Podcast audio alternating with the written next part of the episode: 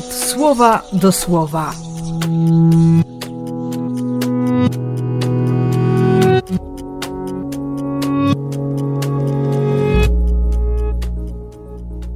Trzeci lutego, piątek.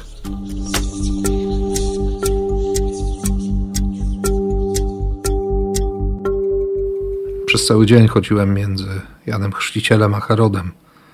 A że nie jest to dla mnie osobiście wygodna Ewangelia, bo ją czytam prawie rok w rok, w dzień swoich własnych urodzin, to potrzebowałem Eucharystii, żeby usłyszeć to słowo we wspólnocie.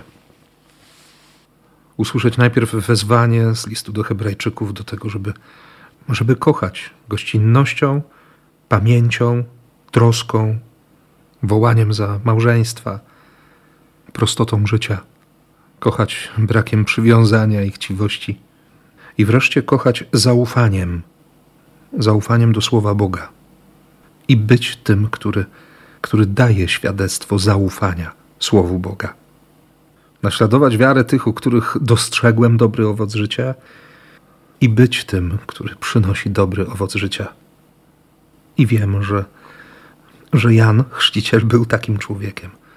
Nawet gdy wysyłał swoich uczniów już, już w czasie pobytu w Macheroncie, tam gdzieś z któregoś lochu, gdy miał już dość wątpliwości tych, których prowadził wcześniej, gdy przychodzili i mówili, że Jezus, Jezus nie robi tego, czego się wszyscy po nim spodziewają. Może i sam się zastanawiał, czy ten kuzyn to naprawdę ktoś, kto kto weźmie na siebie grzech świata.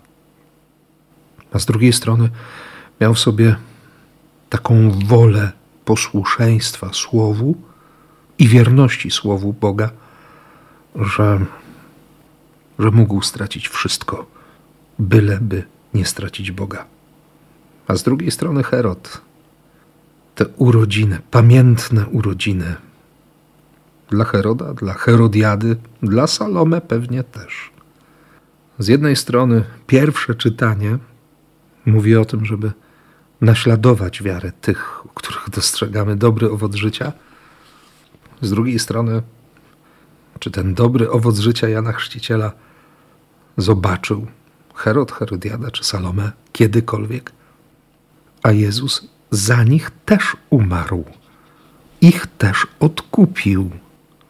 I ten fakt jest nadzieją nie tylko dla nas – ale naprawdę dla całego świata. Dzisiaj, w ten pierwszy piątek miesiąca.